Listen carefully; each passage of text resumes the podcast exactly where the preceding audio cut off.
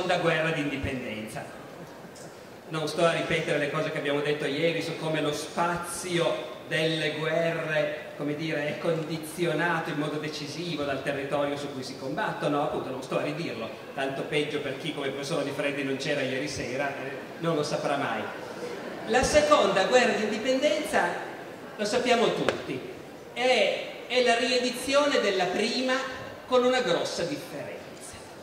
È una riedizione della prima. Nella prima ci abbiamo provato. Nel 48 si è detto forse si riesce a buttare fuori gli austriaci dal Lombardo-Veneto. Le forze, non del Regno di Sardegna da solo, figuriamoci, ma in quel momento sembrava di tutta Italia, ci stavano tutti, il Papa, il Re di Napoli, il Granduca di Toscana, magari bastano le nostre forze italiane per buttare fuori l'impero dal nord, e invece non sono bastate. Nel 59 ci si riprova con una grossissima differenza, che negli ultimi anni Cavour ha tramato in tutti i modi possibili per fare in modo che questa guerra stavolta si rifaccia con altre condizioni. Altre condizioni vuol dire non andiamo da soli, non va più il Regno di Sardegna praticamente da solo, ma con un poderoso alleato, con la massima potenza europea, almeno continentale, la Francia, di Napoleone III. La cosa riesce, in altre parole Cavour riesce a convincere Napoleone III, che pure come politicante ne sapeva quasi quanto lui, che tutto sommato è nell'interesse della Francia e dell'impero aiutare gli italiani, dare questa botta all'impero d'Austria, ridimensionarlo. Dunque Napoleone III ci sta. Nel gennaio del 1859 viene firmato un trattato di alleanza tra il Regno di Sardegna e l'impero francese che in pratica equivale alla guerra contro l'Austria. Alla prima provocazione la Francia si impegna a entrare in guerra. Immediatamente il Piemonte comincia a richiamare riservisti, a richiamare i soldati in congedo per mettere l'esercito sul piede di guerra immediatamente l'Austria comincia a richiamare riservisti e a mandare nuove truppe in Lombardia, è la classica escalation, una volta che le cose si sono innescate vanno avanti.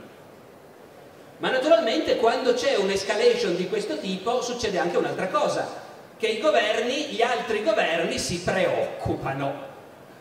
Non è che succede qualcosa di grave che a noi non fa comodo, a noi inglesi, a noi prussiani, e se invece cercassimo di mettere pace, c'è una questione italiana, certo, nessuno può negarlo, però molti governi preferirebbero che questa questione si risolvesse con un bel congresso. Invitiamo gli austriaci e discutiamo con loro se sono disposti a dare qualcosa. I piemontesi non è neanche detto che li invitiamo, anzi gli austriaci dicono chiaramente noi veniamo se non invitate i piemontesi. Cavour al congresso non lo vogliamo. È un po' pesante, ma il governo inglese ci pensa. E anche il governo francese ci pensa, perché Napoleone III da un lato si è lanciato, ha firmato l'alleanza, però al momento buono un po' di paura si prende eh, all'idea che sto per fare la guerra. Questa idea di fare un congresso senza invitare il Regno di Sardegna e mettersi d'accordo con l'Austria per qualche settimana circola e sembra proprio che vada a finire così. Cavour quelle, vive le settimane più terrificanti della sua vita, perché il congresso vorrebbe dire la catastrofe di tutta la sua politica. Cavour minaccia di dimettersi e emigrare in America. L'Italia evidentemente non è più un paese dove si possa fare qualcosa. Eh, minaccia Napoleone III dicendogli guarda che se tu mi fai questo scherzo nel congresso io rendo pubbliche tutte le trattative segrete che abbiamo avuto. Ma Napoleone III esita ancora. Ci sono delle lettere di Cavour in questi giorni in cui Cavour dice faccio fatica a non perdere la testa, me la tengo ferma con le mani perché non scappi. Il 19 aprile sembra che Napoleone III abbia deciso, si fa il congresso. L'ambasciatore francese Walewski a Torino va a svegliare Cavour per dirgli che l'imperatore ha deciso. Cavour salta sul letto e dichiara ora non mi resta altro da fare che spararmi un colpo di pistola e farmi saltare la testa. Quello stesso 19 aprile Cavour fa testamento e lascia una lettera per il nipote Ainardo, Cavour non si è mai sposato, non ha avuto figli, l'erede universale è il nipote, Cavour quel 19 aprile lascia una lettera al nipote in cui gli dice speravo di farti ereditare un nome illustre e benedetto dagli italiani. Invece probabilmente il tuo nome sarà associato alle sciagure del nostro paese. Lo stesso giorno Cavour scrive al suo amministratore, sapete che Cavour è un grosso uomo d'affari, è l'uomo più ricco del regno, è un grandissimo imprenditore agricolo, scrive al suo fattore, a cui pochi giorni prima aveva dato ordine di vendere il bestiame perché le proprietà di Cavour sono nel Piemonte orientale, vicino al confine, e se si fa la guerra all'inizio non si sa cosa succede. Quindi l'amministratore di Cavour ha ordine di vendere il bestiame, a costo di perderci. Ma il 19 aprile Cavour scrive di nuovo all'amministratore non si dia più verun fastidio per la pronta vendita dei buoi grassi, già che pare che la guerra più non si faccia Salveremo le vacche, ma perderemo la causa italiana, che pareva prossima a una soluzione favorevole. L'imperatore, Napoleone, è stato ingannato o è un traditore. Come vedete la situazione è abbastanza drammatica. Dipende solo dall'Austria che Cavour si spari un colpo in testa e che la cosa sia finita lì. Se l'Austria accetta di andare al congresso, è finita. Per fortuna si può sempre contare sul governo austriaco in questi casi. Il governo austriaco decide che il congresso non gli basta. Vuole umiliare il regno di Sardegna fino in fondo. E quindi, prima di accettare il congresso, gli austriaci, due giorni dopo, 21 aprile, mandano un ultimatum a Torino, in cui ordinano al governo piemontese di licenziare i richiamati e rimettere l'esercito sul piede di pace, altrimenti sarà la guerra. Cavour riceve questo ultimatum e si lustra gli occhi, non riesce a crederci. Ho avuto un'altra eh, un colpo di fortuna. Eh, non ci credeva più, invece sì, è scritto nero su bianco. Se non licenziate l'esercito sarà la guerra. Cavour comunica subito a Parigi e a Parigi i piemontesi hanno tre giorni per rispondere secondo l'ultimatum, ma è chiarissimo che diranno di no. Già il giorno dopo a Parigi la gazzetta ufficiale che si chiama il Moniteur, annuncia che Sua Maestà l'Imperatore ha ordinato la formazione di un nuovo esercito che si chiamerà Armée d'Italie, l'armata d'Italia, come naturalmente l'armata dello zio, il grande Napoleone, ai vecchi gloriosi tempi. Perché Napoleone III naturalmente è un nipote. Napoleone III è il nipote del vero grande Napoleone, figlio del fratello ed è un uomo notevolissimo Napoleone III. Poi, come dire, la sua memoria davanti alla storia è rimasta un po' appannata dal fatto che 11 anni fa, 11 anni dopo, per gli storici si confondono un po' sempre, presente, passato, è tutto sempre lì. 11 anni dopo Napoleone ha fatto una guerra idiota contro la Prussia, è stato sconfitto a Sedan, ha dovuto abdicare, è morto in disgrazia, quindi è passato alla storia come un imbecille. In realtà Napoleone III era un uomo di mille risorse. Nel 59 è un vecchio avventuriero di 50 anni che ha passato la vita a cospirare per cercare di diventare imperatore come suo zio. Ha preparato colpi di Stato, società segrete, è andato in esilio, ne ha fatti di tutti i colori. Poi alla fine ci è riuscito, nel modo più imprevisto. Chi c'era ieri si ricorderà, e anche gli altri si ricordano, che nel 48 i francesi fanno la Repubblica. Ma si sa che ai francesi l'idea dell'uomo forte comunque eh, da Napoleone in poi non è mai dispiaciuta, quindi fanno la Repubblica. Ma chi eleggono Presidente della Repubblica? Il principe Napoleone, il quale capisce subito che quella è la sua opportunità. Si presenta alle elezioni e viene eletto dal popolo Presidente della Repubblica ci mette solo qualche mese a preparare il colpo di Stato e proclamare l'impero. Il colpo di Stato fa centinaia di morti, in Francia e migliaia di, gente, di persone in galera, però poi, schiacciata la resistenza delle piazze, il nuovo imperatore ripristina il suffragio universale, fa un bel plebiscito a suffragio universale e i francesi lo eleggono imperatore. Dopodiché Napoleone III continua a barcamenarsi in questo modo. È, è un classico bonapartista, nascerà una categoria politica, il bonapartismo, quello che da un lato è un dittatore, però col consenso del popolo, governa con la polizia segreta e coi plebisciti, controlla i giornali, però c'è il Parlamento. È tutta una cosa difficile da gestire, bisogna essere bravi. Napoleone galleggia a lungo tra la destra clericale e la sinistra rivoluzionaria quando decide di fare questa guerra in Italia, ha fatto una scelta di sinistra. La guerra in Italia non piace al Papa, non piace ai clericali, in Francia la destra cattolica è assolutamente ostile, però piace alla sinistra. È una guerra di sinistra, è una guerra rivoluzionaria. La stampa francese esalta l'imperatore che sta per ridare alla Francia la gloria che le spetta escono articoli che dicono finalmente vendichiamo la battaglia di Waterloo. Poi a Waterloo gli austriaci non c'erano, ma insomma non importa, c'erano i prussiani. La, la gente in piazza canta la marsigliese, che è proibita ufficialmente, però la gente la canta e l'imperatore è contento. Napoleone naturalmente ha un sogno, cioè aveva il sogno di diventare imperatore e ci è riuscito, ma non basta.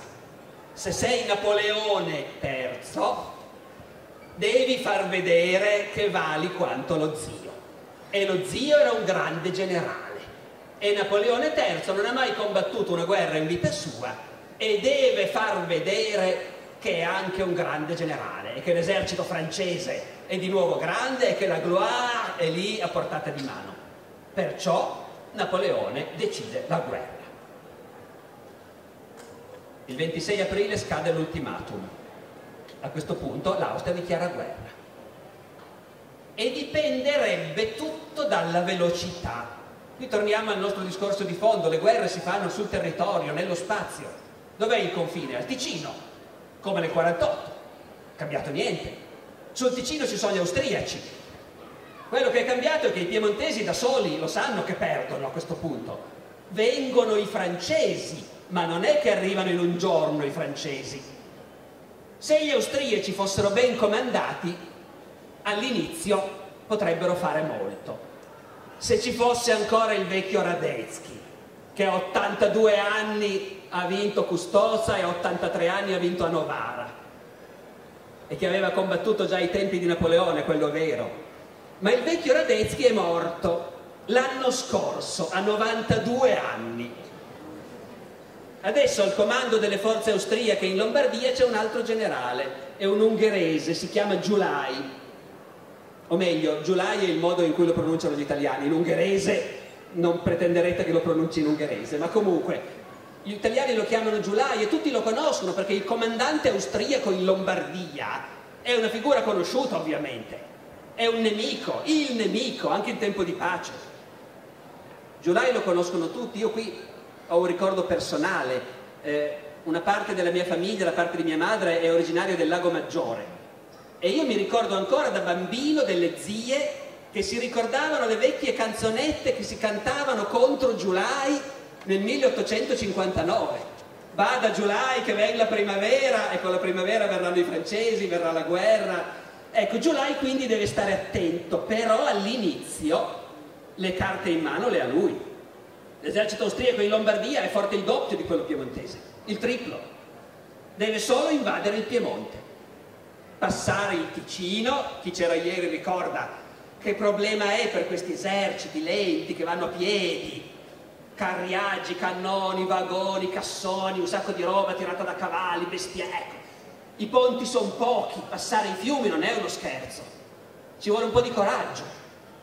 Giolai non si muove, Eppure tutti sanno che sarebbe fondamentale fare in frettissima. La guerra è scoppiata solo da tre giorni e già a Giulai arrivano gli insulti perché non si muove. L'ambasciatore austriaco a Parigi, che sta facendo i bagagli naturalmente perché è scoppiata la guerra, manda a Vienna un telegramma dicendo qui fra tutti, tutta la nostra ambasciata vuol farvi sentire il grido di dolore, di impazienza e di rabbia. Il grido di dolore era di moda all'epoca come espressione, ma questi sono gli austriaci, di rabbia per le esitazioni del generale Conte Giulai. Diamine, non gli resta che passare il Ticino, attaccare i piemontesi, rovesciarli, schiacciarli e se ne sta fermo perché piove. Siamo alla fine di aprile, effettivamente diluvia. Ticino è gonfio, i ponti sono insicuri, Giulai non si muove. Tutto sta di vedere se si muoverà prima che si muovano i francesi. I francesi si muovono in fretta. E qui si scopre, cioè noi scopriamo, che sono passati soltanto 11 anni dalla prima guerra d'indipendenza, ma il mondo è cambiato. Perché nel 48 non c'era il treno e invece nel 59 c'è il treno. C'è il treno e quell'altra grande novità che è la nave a vapore. C'era anche prima, ma ce n'è molti di più adesso. Mentre Giulai è fermo sul Ticino che guarda il cielo per vedere se smette di piovere, Napoleone va in treno a Marsiglia e lì si imbarca su un vapore per Genova con una parte dell'esercito. Un'altra parte è avviata in modo più tradizionale verso la Val di Susa e scende in Piemonte da lì. E queste cose cambiano il modo di fare la guerra. In altri tempi, prima che i francesi arrivassero in soccorso, passavano mesi. Adesso bastano due settimane perché tre corpi francesi sbarchino a Genova e da lì in treno possono andare dove vogliono e altri due corpi scesi dal Moncenisio, anche lì alla fine trovano il treno in pianura e possono andare dove vogliono. 15 giorni. Giulai se ne è già giocati i 5 o 6. Finalmente il 30 aprile Giulai passa il Ticino. Gli austriaci invadono il Piemonte. Il primo maggio sono a Novara, il 2 passano la Sesia, sono a Vercelli. La stampa italiana, la stampa francese segue da vicino questa marcia degli austriaci in Piemonte e naturalmente escono gli articoli che denunciano le atrocità, gli abusi, le violenze di questa invasione. Noi che abbiamo sentito parlare di quel che è successo nel Novecento ci viene da ridere perché le atrocità e gli abusi sono che gli austriaci, sì, dappertutto, requisiscono il bestiame, non per niente Cavour voleva far vendere i buoi. In ogni città dove arrivano obbligano il sindaco a tirar fuori soldi, vino, pane, bestiame per 10.000 uomini, per 20.000 uomini. Certo, è il modo di fare la guerra, requisiscono tabacco, requisiscono scarpe. Per i giornali francesi è la prova della barbarie del nemico. A Torino però sono un po' preoccupati. Anzi, a dire tutta la verità, a un certo punto c'è il panico il 4 maggio Cavour scrive alla sua amante, Bianca Ronzani, la ballerina ungherese sposata a un certo Ronzani che però è uscito di scena subito, che è da circa tre anni la sua amante a cui Cavour vuole molto bene, le ha comprato una bellissima villa. 4 maggio Cavour a Bianca. Cara Bianca, quale felice combinazione che tu non sia a Torino. Non so più dove era, ma insomma non è sul posto. Giacché le notizie sono sempre più cattive. Gli austriaci si avvicinano, e il re non si muove. Ci torneremo. Non è certo che essi vengano a Torino, ma è probabile. Siamo decisi a difenderci a oltranza. Ho fiducia nel coraggio dei piemontesi e nella provvidenza. Ti abbraccio.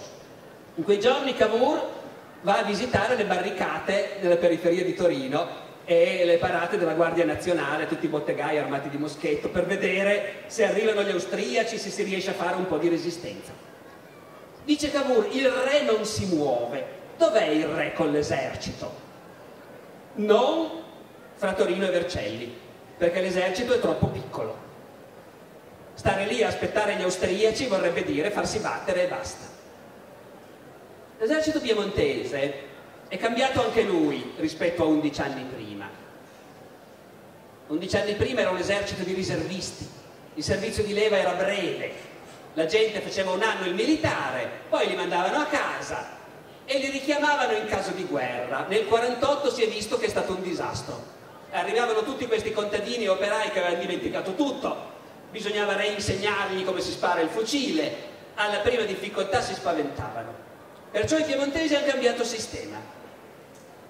La seconda guerra d'indipendenza è combattuta da tre eserciti, piemontese, austriaco, francese, formati allo stesso modo, con soldati, non dico di mestiere perché sono sempre coscritti, tirati a sorte, ma che fanno il militare a lungo, in Piemonte 5 anni, è l'esercito di caserma. In questo caso si vedrà che tutto sommato effettivamente è meglio, piuttosto che non richiamare una folla di riservisti che hanno dimenticato tutto. Ma l'esercito di caserma vuol dire che lo fai piccolo, perché se tu ai coscritti dici dovete fare 5 anni di servizio militare, e quanti ne puoi prendere? Puoi prendere un giovanotto su 100, il paese lo sopporta. Prendi un giovanotto su 50, il paese lo sopporta. Se cominci a dire prendo un giovanotto su 10 e gli faccio fare 5 anni il militare, il paese non lo sopporta più. Quindi il sistema presuppone che se ne tirano a sorte pochi, più sfortunati, gli tocca. L'esercito è piccolo, è più piccolo rispetto al 48. 60.000 uomini, Giulai ne ha 120.000, il doppio.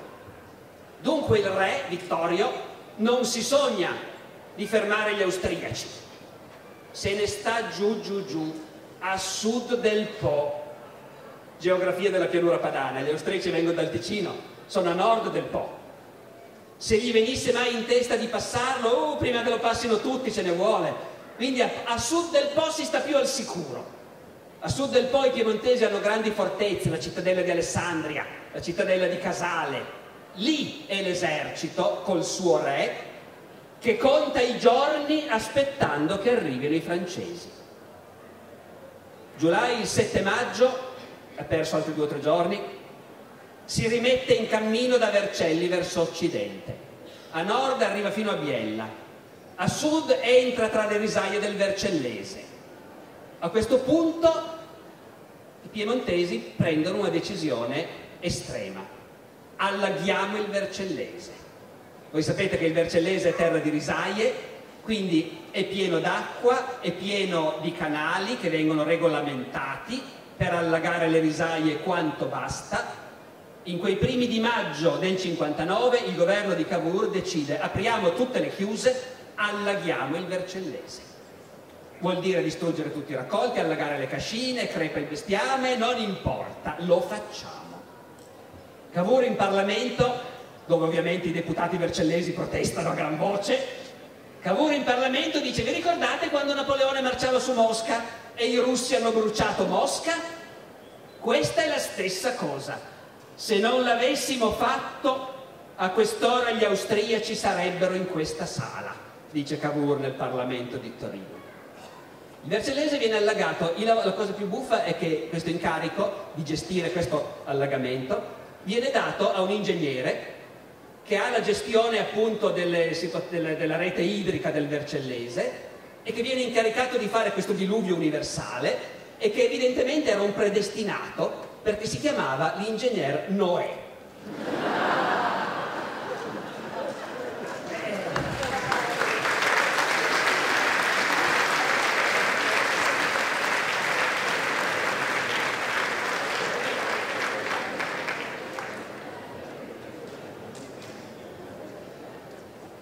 Dunque nel Vercellese allagato i soldati di Giulai affondano fino alle ginocchia, non ci si muove più.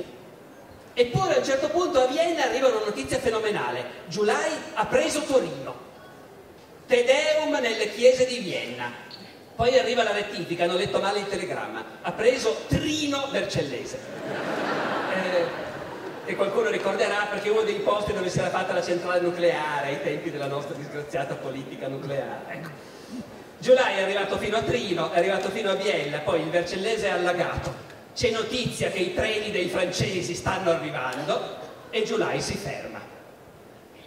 Il 10 maggio i corpi francesi scesi dalla Val di Susa sono arrivati in treno ad Alessandria. Il 12 maggio Napoleone III sbarca a Genova, due giorni dopo in treno anche lui è ad Alessandria. A questo punto ad Alessandria è concentrata una forza più forte di quella austriaca il rapporto di forza si è invertito.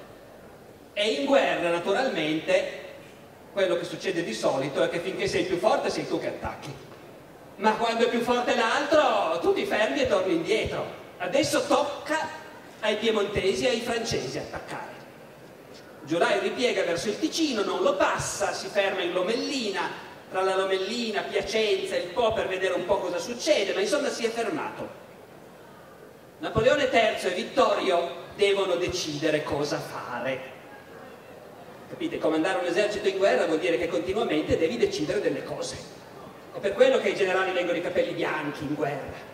Perché tutti i giorni devi decidere qualcosa e non sai mai se stai decidendo la cosa giusta oppure una cosa per cui ti passerai alla storia come un imbecille che ha fatto una scelta catastrofica. Non lo sai mai prima.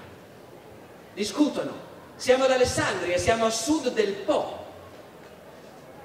Magari restiamo a sud del Po marciamo su Piacenza e poi attacchiamo la Lombardia da sud. Certo, però bisognerà attraversare il Po da qualche parte. Si lavora di carte geografiche. Dove ci sono i ponti sul Po? Stradella. Potremmo passare il Po a Stradella. Però capite cosa vuol dire con 180.000 uomini attraversare un fiume così? E se l'altro ti attacca mentre sei a metà strada? L'alternativa sarebbe che il polo passiamo tranquillamente nelle nostre retrovie in treno, ce ne andiamo tutti a Vercelli e a Novara e andiamo a picchiare la testa nel Ticino, il buon vecchio sistema di una volta. Alla fine decidono di fare così. Di nuovo naturalmente il fatto è che c'è il treno. Portare 180.000 uomini da Alessandria a Vercelli col treno in due giorni l'hai fatto, a Vercelli a Novara. E dunque decidono di far questo. Ma mentre non si sono ancora mossi, Giulai decide di fare qualcosa lui. Perché i giornali di Vienna naturalmente continuano a tempestare. Cosa fa il generale Conte Giulai? Perché non si muove? Faccia qualcosa! E un generale in quei casi lì deve fare qualcosa. Cosa? Boh, non ha la minima idea.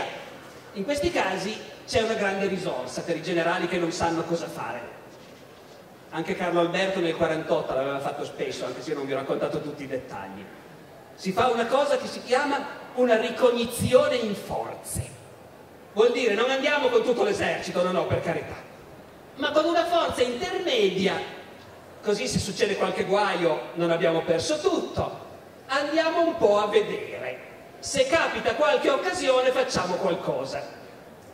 Giulai decide di fare una ricognizione in forze verso Voghera per vedere se effettivamente il nemico ha deciso di venire su, stando a sud del Po andiamo avanti, finché non vai a vedere non lo sai, eh? Eh, non hai delle, degli aerei, né, niente, devi andare a vedere. Giulai si muove e va a vedere.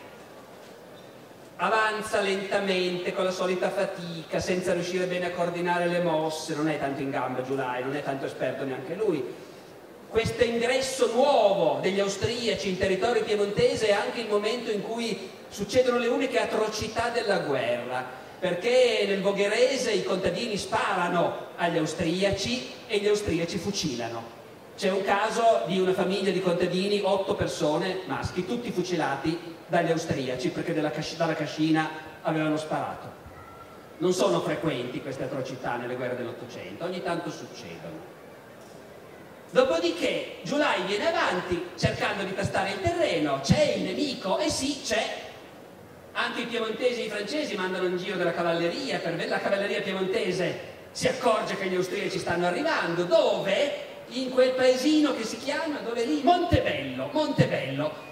Lì c'è l'avanguardia austriaca, attacchiamoli! Battaglia di Montebello. È la prima battaglia della seconda guerra d'indipendenza e si vede subito che qualcosa è cambiato rispetto al 48. L'arrivo dei francesi ha cambiato qualcosa nel modo di fare la guerra. Ricordate, nel 48 la maggior parte delle battaglie fanno pochissimi morti. 50 morti a Pastrengo, 40 morti a Goito, perché nessuno va sotto, nessuno va dentro, nessuno ci crede davvero, nessuno vuole correre rischi. Ma Napoleone e i francesi invece sono disposti a fare la guerra più sul serio. Montebello è una piccola battaglia, poche forze impegnate, tuttavia gli alleati che impegnano 7.600 uomini, ne perdono 741, il 10% degli uomini che hanno combattuto quel giorno rimangono morti o feriti o prigionieri. Gli austriaci perdono il doppio è già una battaglia seria, non al livello di quelle del vecchio Napoleone che in una battaglia ammazzava il 20% del suo esercito senza batter ciglio, però il clima è già cambiato. Giulai ha trovato quel che voleva trovare, il nemico è lì, in forze, a Montebello viene respinto Giulai, torna indietro. E sempre meno capisce cosa deve fare, perché fra l'altro c'è un'altra novità che gli confonde le idee. Non solo il treno e il vapore con cui i francesi sono arrivati così in fretta, non solo il fatto che il nemico è ad Alessandria, ma ci potrebbe mettere due giorni per andare a Novara, e non vale, una volta non si faceva così la guerra, adesso invece sì. Ma c'è anche un'altra cosa, Garibaldi, perché nel 48 quando Garibaldi era andato da Carlo Alberto offrendo la sua spada, Carlo Alberto aveva detto tutto meno che assumere questo comunista, quindi eh, via, fuori dai piedi. Invece nel 59 ci hanno ragionato un po' su e hanno deciso che non si possono permettere di farne a meno. Il mondo è proprio cambiato. Nel 59 Garibaldi non solo l'hanno preso, ma è generale dell'esercito piemontese e i suoi volontari ricevono divise e armi piemontesi e sono una brigata dell'esercito, i cacciatori delle Alpi. C'è solo una cosa che non è cambiata, e cioè Garibaldi vuole fare la guerra a modo suo? Benissimo, però un po' fuori dai piedi, un po' lontano dall'esercito dove noi facciamo le cose serie. L'esercito è concentrato a sud, Alessandria, Casale. A Garibaldi dicono tu vai a dar fastidio agli austrici dall'altra parte. Varese, Como, vai a vedere quei posti lì. Garibaldi prende la sua brigata, 3.000 uomini, e con i cacciatori delle Alpi appunto passa il Ticino e va a dar fastidio agli austriaci. Sono pochi, però al comando di Giulai cominciano ad arrivare le notizie, sconfitta a Varese, sconfitta a Como, i garibaldini sono entrati qua, sono entrati là, marciano nella zona dei laghi come se fossero a casa loro.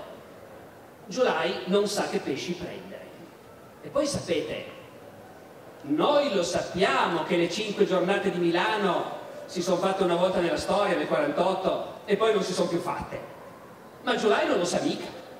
Giulai non lo sa se Milano non è di nuovo pronta a insorgere e come Milano tutte le altre città lombarde. Quindi è lì che non si muove, paralizzato, perché può succedergli qualunque cosa. I nostri attaccano.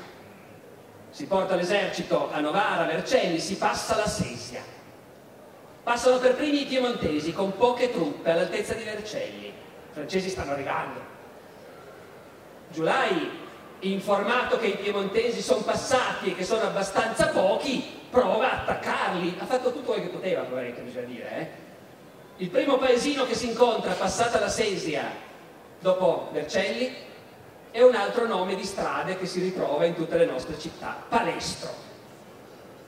A Palestro i piemontesi sono appena arrivati, Giulai li attacca, come al solito lentamente, non tanto bene, i piemontesi per un po' resistono, dietro però ci sono quelli che sanno fare la guerra sul serio, i francesi. I francesi hanno i ponti mobili, buttano i ponti sulla Sesia, attraversano, arrivano a Palestro in giornata, gli austriaci sono battuti, respinti, perdono il 15% delle forze impegnate, le tariffe cominciano a salire. E Giulai cosa deve fare? Dovunque ci ha provato l'hanno respinto. Il nemico è in massa oltre la Sesia, a Novara, ce la fa a restare in Lomellina. La Lomellina è subito sotto, eh? Se questi vanno avanti rischiano di spuntargli alle spalle. E Garibaldi è a Bergamo, è a Brescia, è in Valtellina, lo vedono dappertutto, anche dove non c'è, ma ormai c'è il panico. Giulai decide, si torna dietro il Ticino, basta correre rischi. Questo esercito che faticosamente è rimasto lì in mezzo alle risaie allagate per qualche settimana, adesso basta, torna indietro. La sera del 3 giugno Giulai ha 120.000 uomini dietro il Ticino, stanchi, affamati, di pessimo umore perché non hanno fatto altro che perdere e ritirarsi, però sono lì. Il grosso dell'esercito è accampato intorno a un altro nome di via, però stavolta non soltanto un nome di via delle città italiane, ma anche un nome di via di Parigi, Magenta. Il grosso di Giulai è dietro il Ticino a Magenta. I francesi passano il Ticino, loro sanno fare la guerra, non si accontentano dei ponti che ci sono. l'ho detto prima, hanno i ponti di barche e gettano i ponti dove vogliono, dove non c'è il nemico ad aspettarli. Un altro nome di rue di Parigi, rue de Turbigo. Turbigo è Turbigo, sul Ticino, dove i francesi passano il fiume. Giulai, per l'ennesima volta, e uno non può che avere simpatia per lui, contrattacca. Quelli hanno passato il Ticino, non sono ancora tutti, anzi ci sono l'avanguardia francese, se Giulai fosse Napoleone, primo, li spappolerebbe, ma Giulai non è Napoleone. Contrattacca come al solito con poche forze, con fatica, i francesi tengono, dopo un po' passa il Ticino Napoleone III, che si guarda intorno un po' smarrito, perché è la prima volta in vita sua che combatte una vera battaglia. Non gli è mai successa questa cosa ed è impressionante perché non si capisce niente. Aveva dato degli ordini, nessuno li ha eseguiti. Manda degli ordini, nessuno trova i generali perché non si sa dove sono, i soldati però combattono. È la nebbia della guerra, nessuno sa niente e nessuno capisce niente. Si cerca, con fatica. Napoleone passa la giornata a cercare di tappare i buchi e finalmente alla sera la linea tiene. L'attacco di Giulai è fallito un'altra volta, i francesi hanno vinto la battaglia di Magenta lasciandoci più di 4.000 morti e feriti, il 7%. Gli austriaci hanno perso 10.000 uomini, il 16% delle truppe impegnate e sono battuti. Napoleone III passa quella notte, la notte dopo la sua prima grande battaglia.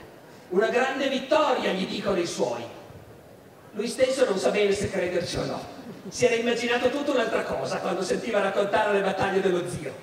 È stato lì tutto il tempo in mezzo a questo macello cercando di fare qualcosa senza capire bene cosa succedeva, alla fine è andata bene. Certo che la guerra non è appunto come lui se la immaginava, e per di più tutti questi morti.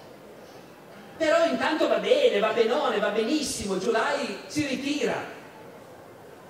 Il 8 giugno Napoleone e Vittorio entrano a Milano, liberata. Giulai si è ritirato, indietro. Dove?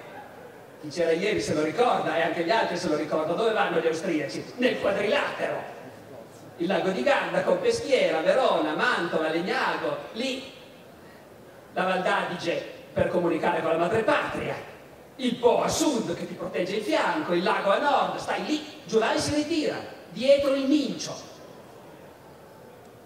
E gli altri devono decidere cosa fare, tanto per cambiare finiti i festeggiamenti a Milano, qualcosa bisognerà fare.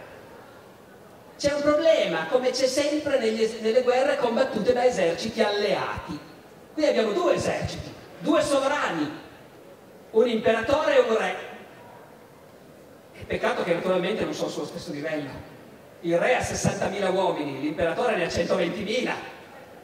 Inoltre il re crede di essere un grande... Eh no, questo non è diverso, sono uguali. Tutti e due vogliono essere dei grandi generali. La differenza forse è che Vittorio ci crede di essere un grande generale. Napoleone comincia ad avere qualche dubbio in cuor suo.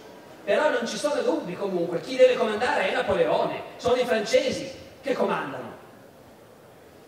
I generali piemontesi sono anche contenti perché hanno preso le misure di Vittorio e tutto sommato, e invece Napoleone piace, ecco un'altra cosa, dobbiamo dirlo, io, per me è troppo facile scherzare su Napoleone il piccolo, come disse Vittorio perché fu battuto dai prussiani, ma in quel 59 Napoleone è al massimo dello splendore. Ci credono tutti che sia davvero il degno nipote di suo zio. Il generale Solaroli, aiutante di campo di Vittorio Emanuele II.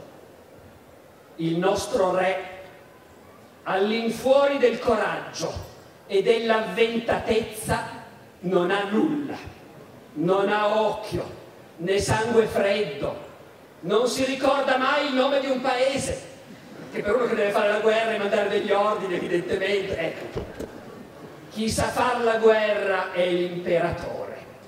Fortuna per noi che abbiamo alla testa un tale uomo. Voi potete immaginare come contento Vittorio di fare la guerra agli ordini di Napoleone III. Vittorio su Napoleone III. Chi è dopo tutto quest'uomo, questo bischero? L'ultimo venuto dei sovrani d'Europa, un intruso tra di noi. Farebbe meglio a ricordare chi è lui e chi sono io. il capo della prima e più antica dinastia regnante d'Europa. Il povero Vittorio non ha solo grane con, eh, con l'imperatore, ha grane anche con Cavour, perché anche Cavour conosce il suo re. E sta a Torino perché è primo ministro, non può andare al fronte, però da Torino Cavour tutte le notti sta sveglio pensando chissà che stupidaggine avrà fatto oggi il re. Speriamo in bene. E tutti i giorni scrive al re dandogli dei buoni consigli. Capite la faccia di Vittorio quando arriva la staffetta con la lettera di Cavour? Tanto che alla fine Vittorio non ne può più e scrive a Cavour. Mi dice che devo essere circondato da tanti geni che mi impediscano di fare delle bestialità. Pare che lei mi considera un grande asino nel mio mestiere. Se lei mi parla ancora una volta così, vedrà cosa farò. Manderò via tutti d'intorno a me quelli che vi sono e mi circonderò di meno capaci ancora e farò vedere se io non so fare il mio mestiere senza tanti consiglieri.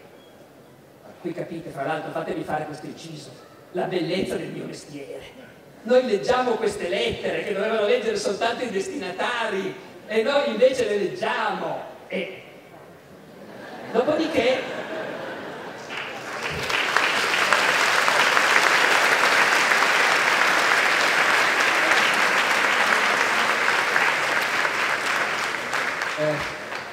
ultima citazione Vittorio a Cavour siamo sottoposti a nuove tribolazioni. Non è più lei che ci tormenta, è il degnissimo imperante, il quale ci comanda a bacchetta, cambia e discambia i suoi progetti e vuole cose impossibili. Ora, in questo bel clima bisogna decidere una buona volta cosa fare. Gli austriaci sono dietro il mincio. Quello che non tutti sanno ancora al comando francese e piemontese e che in Austria si sono stufati del generale Conte Giulai. E l'imperatore ha deciso di venire a prendere il comando personalmente perché anche di là c'è l'imperatore ed è per noi italiani una vecchia conoscenza è Francesco Giuseppe che sarà ancora sul trono al tempo della prima guerra mondiale morirà nel 1916 ai tempi che stiamo raccontando nel 59 è già sul trono da dieci anni benché ne abbia solo 29 è un giovanotto. Non ha mai fatto la guerra in vita sua, nel 48 c'era però, ha visto una battaglia anche. E poi ha molto studiato, si è molto interessato di strategia militare, è molto appassionato di cose militari, dell'esercito. Sapete che nell'impero asburgico, appunto, l'esercito è il vero pilastro di questa monarchia multinazionale, l'unica forza compatta unitaria è l'esercito. Dunque Francesco Giuseppe è il terzo sovrano che incontriamo stasera che non ha mai fatto la guerra in vita sua, ma che decide che lui forse potrebbe anche essere un grande generale. E quindi licenzia Giulai e viene a Verona a prendere il comando del suo esercito. Dall'altra parte francesi e piemontesi avanzano lentamente. Hanno passato l'olio, ci si avvicina al Mincio. Fra il Garda e il Po è una fetta di terra minima in realtà, saranno 70 km, non di più, stretta quindi. Se uno rappresenta su una cartina i movimenti degli eserciti, occupano quasi tutta la zona. L'estrema sinistra sul Garda, l'estrema destra quasi al Po. Gli eserciti sono grossi, non possono marciare un esercito di 200.000 uomini, non può marciare tutto sulla stessa strada sarebbe lungo 50 km la colonna. Bisogna usare strade parallele, quindi gli eserciti sono dispersi. L'abilità sta poi nel sapere dove sono le tue truppe e riunirle nel momento in cui hai deciso che ti servono. E quella è la cosa che sapeva fare Napoleone I, i cui soldati non per niente dicevano l'imperatore vince le battaglie con le nostre gambe, perché al momento buono arriva l'ordine e tu in 24 ore devi essere lì. Napoleone III e Vittorio non sono proprio allo stesso livello, ma per fortuna neanche Francesco Giuseppe è proprio allo stesso livello. Stanno venendo avanti su questo vasto fronte, senza sapere cosa c'è davanti a loro, come al solito, finché non li hai visti. Quello che non sanno è che Francesco Giuseppe ha deciso di contrattaccare. Francesco Giuseppe il 23 giugno passa in lincio con tutto l'esercito e dunque gli sta venendo incontro anche lui disteso su un fronte troppo grosso, anche lui senza sapere niente di cosa c'è davanti. Il giorno dopo, 24 giugno, si incontrano su questo fronte amplissimo che a nord, vicino al Garda, è incentrato su una collinetta che si chiama San Martino e al centro è incentrato su un paesino con un'altra collinetta che si chiama Solferino. E poi si va giù, ancora più giù, altre truppe anche a sud, dalla sinistra. Si incontrano e si comincia a combattere. Ed è la grande e gloriosa battaglia di Solferino e l'altrettanto gloriosa, secondo gli storici sabaudi, battaglia di San Martino, che come tutti sappiamo viene vinta. Quello che meno si sa è la fatica enorme che viene fatta per vincere questa battaglia, che è quella che i tecnici chiamano una battaglia di incontro. Cioè non c'è uno che attacca e uno che si difende. Stavano andando tutti avanti alla cieca e si sono picchiati dentro l'uno nell'altro.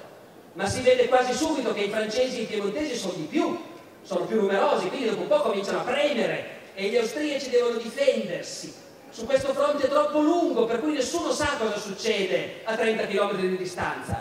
Noi lo sappiamo oggi, a nord vicino al Garda ci sono i piemontesi e c'è questa collina di San Martino con trincerati gli austriaci al comando di un generale bravo, il Benedek. Arrivano come al solito, un po' per volta perché stanno marciando, non era prevista la battaglia. Vittorio è lì, nel suo elemento, ricordate come diceva nelle sue lettere il mio mestiere. Finalmente Vittorio può, far, può comandare una battaglia. Cosa vuol dire comandare una battaglia? Sguainare la sciabola e andare all'attacco. La prima brigata piemontese che arriva, il re sguaina la sciabola e la manda all'attacco e viene respinta. La seconda che arriva, il re sguaina la sciabola e la manda all'attacco e viene respinta. Però poi ne arriva una terza e la prima si è un po' riposata e la si rimanda dentro e se ne manda dentro un'altra che è appena arrivata e Vittorio è nel suo elemento in mezzo ai suoi soldati a cavallo con le palle che fischiano si diverte da pazzi si sente finalmente un vero generale e la fanteria piemontese va dentro sale la collina, gli altri sparano si ridiscende in disordine poi ci si riprova vanno avanti così tutto il giorno dall'altra parte però il generale Benedek riceve continuamente lettere del suo imperatore che è a Solferino e che gli dice venite giù ad aiutarci. Ma Benedek non può andare giù, non può mollare la collina ai piemontesi che altrimenti li prenderebbero sul fianco. Quindi questi incessanti attacchi dei piemontesi a qualcosa servono. L'ala destra austriaca è incastrata lì. Poi finalmente la sera Benedek sulla sua collina riceve l'ultima staffetta di Francesco Giuseppe che gli dice abbiamo perso la battaglia, ci ritiriamo. E gli austriaci sgombrano la collina di San Martino e Vittorio ci sale con la sciabola sguainata e si può mandare il telegramma a Torino, abbiamo vinto la grande battaglia di San Martino.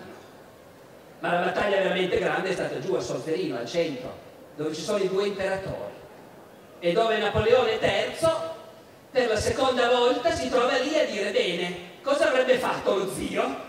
Lui è lì, gli austriaci resistono e i francesi vanno dentro, è un esercito bello, coraggioso, pieno di slancio, quasi uguale a quello del vecchio Napoleone, l'unica differenza è che i francesi intanto hanno inventato una cosa che poi gli piace così tanto che se la portano dietro fino alla prima guerra mondiale, i pantaloni rossi. Questi pantaloni rossi ai soldati francesi piacciono da morire e raddoppiano il loro entusiasmo e il loro slancio. Ovviamente è anche più facile colpirli quando sono in mezzo alle. Ma pazienza, non importa niente, si va dentro. A Solferino i francesi attaccano e gli austriaci si difendono sempre più faticosamente e Napoleone è lì in mezzo e alla fine si ricorda cosa avrebbe fatto lo zio. Lo zio aveva la guardia, la vecchia guardia di Napoleone, i granatieri con i colbacchi di pelo d'orso. All'ultimo momento li mandava dentro e quelli sfondavano tutto. E anche Napoleone III ha la guardia, ovviamente l'ha rifatta uguale, identica, con i granatieri, con i colbacchi di pelo d'orso, tutto. Quando si ricorda questo, dà ordine alla guardia di andare dentro e la guardia sfonda e la battaglia di Solferino è vinta. Francesco Giuseppe si accorge che se non si ritira crolla tutto e dà l'ordine di ritirata. Tra francesi e piemontesi hanno perso qualcosa come 15 o 17 mila uomini, morti, feriti, prigionieri, tra il 10 e il 15%. Gli austriaci hanno perso 22 mila uomini, il 20%. Queste sì che cominciano a essere cifre come nelle battaglie del vecchio Napoleone. Infatti succede una cosa. no, diverse cose naturalmente, su questo campo di battaglia dove quindi ci sono decine di migliaia di morti e feriti, migliaia di cavalli morti, cavalli agonizzanti che bisogna finire a pistolettate.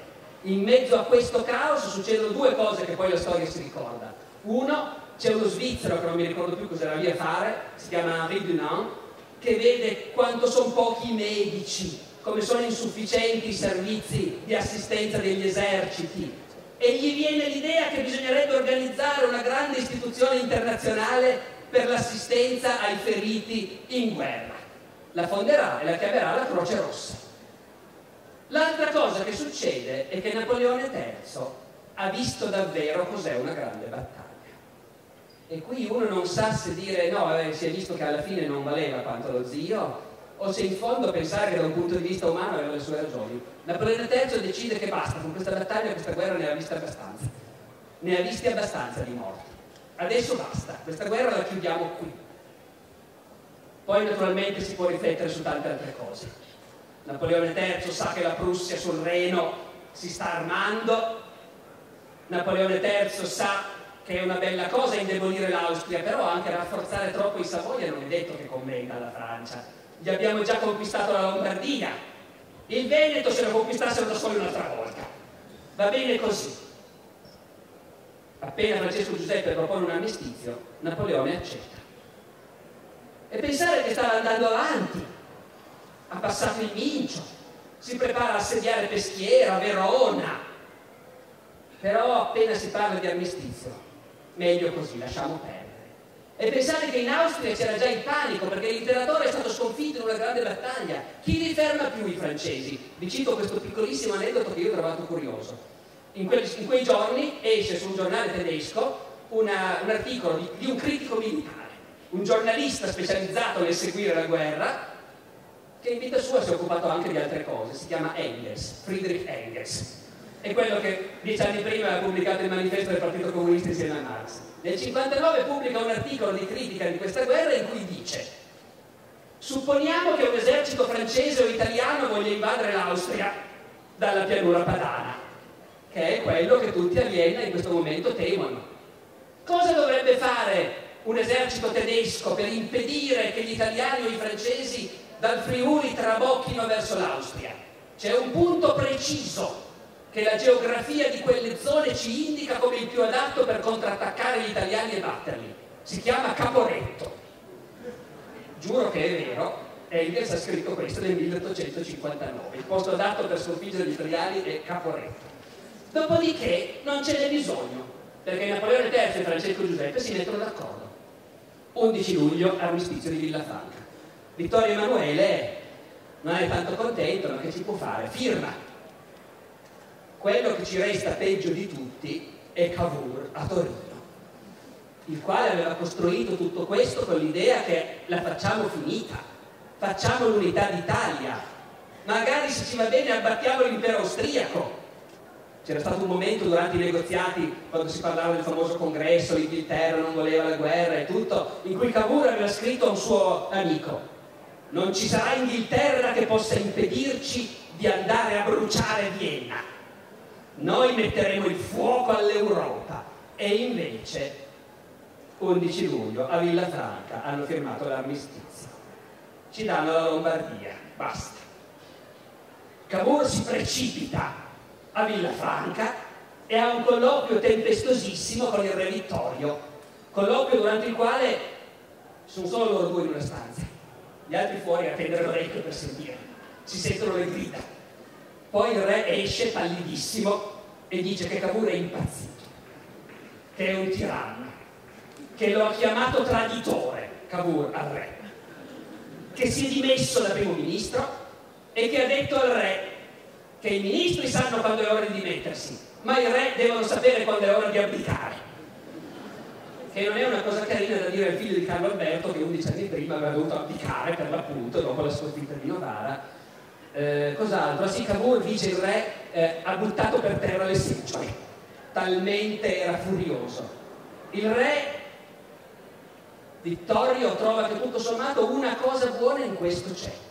Cavour si è rimesso fuori dai piedi a Napoleone III Vittorio dice Pagherei un milione di franchi purché se ne andasse in America, più lontano possibile quindi. Cavour un amico scrive mi accorgo che per me è cominciata la vecchiaia. Anche qui vedete com'è bello, noi lo sappiamo, loro no. Noi sappiamo che di lì a poco c'è l'insurrezione in Sicilia, Garibaldi torna, le camicie rosse, quarto, tutto per aria. Loro non lo sanno, a loro sembra finito tutto. E noi abbiamo anche quasi finito, praticamente finito, perché la guerra è finita lì, è stata cortissima, avete due mesi di guerra, tre battaglie. Però c'è una piccola appendice che volevo raccontarvi. Perché quando le guerre si vincono si scrivono le marce trionfali, come la marcia di Radeschi nel 48. Quando le guerre si perdono cominciano le inchieste. E a Vienna, pochi mesi dopo, un'inchiesta rivela una gigantesca frode nel commissariato dell'esercito, cioè nel dipartimento delle forniture alimentari all'esercito. Ve lo dico perché è interessante vedere cos'era davvero l'impero austriaco, noi oggi diciamo certe volte la buona amministrazione. La frode consisteva in questo, dunque no, corrono voci, ma non sono confermate, che sia stato Napoleone III che ha rivelato questa cosa a Francesco Giuseppe, perché Napoleone III ha delle buone spie. E quindi si dice che a Villafranca Napoleone III ha detto a Francesco Giuseppe, Vostra Maestà è circondata di traditori, crede che Mantova abbia rifornimenti per sei mesi, non ne ha neanche per sei giorni. E perché questo? Per una serie di motivi, per esempio, il commissariato dell'esercito austriaco comprava buoi per la guarnigione di Mantova. Comprava 7.000 buoi e li pagava. Ne arrivavano 1.000, entravano in città da una porta, la attraversavano, uscivano dall'altra porta, facevano il giro dietro e poi rientravano dalla porta di prima e quelli erano gli altri 2.000 buoi, poi 3.000, poi 4.000, ma non basta, perché poi c'era un'impresa di Trieste che comprava le pelli dei buoi, perché una volta macellato il bue per darlo da mangiare ai soldati, il commissariato vende la pelle. L'impresa di Trieste comprava 7.000 pelli, con una clausola, che se l'esercito non era in grado di fornirle tutte doveva pagare una penale. E siccome loro sapevano perfettamente che le pelli erano solo 1.000, firmando il contratto sapevano già che avrebbero incassato la penale per altre 6.000 pelli ovviamente dovrei pagare poi la mazzetta al nuovo al generale, al colonnello e così via. E non basta. Subito dopo la battaglia di Solferino, quando ormai allo Stato Maggiore è già chiarissimo che si chiederà l'armistizio, il commissariato dell'esercito austriaco firma enormi contratti di forniture con commercianti privati che dovranno quindi fornire bestiame, pane, vino, enormi quantità, anche lì con la clausola della penale. Se per caso l'esercito è costretto a annullare il contratto, penale. Salta fuori che in tutti questi casi militari corrotti e imprenditori sapevano tutto ed erano d'accordo. Salta fuori perché il comandante di tutta la sussistenza dell'esercito imperiale, generale Einatten, quando nascono i primi sospetti viene arrestato per essere interrogato e si impicca in cella con gli alamari della sua giubba dopo aver lasciato un biglietto con una piena confessione. Conseguenza vengono arrestati diversi uomini d'affari di Trieste, banchieri di Vienna, militari si sparano un colpo in testa, a un certo punto corre voce che sia coinvolto addirittura il ministro delle finanze dell'impero, barone von Brück. Gli storici oggi pensano che fosse una falsa diceria, che il barone von Brück non fosse coinvolto, ma il barone von Brück fa l'unica cosa che nell'Ottocento poteva fare un ministro delle finanze quando correva voce che fosse coinvolto in qualche scandalo. Si spara un colpo in testa. Grazie.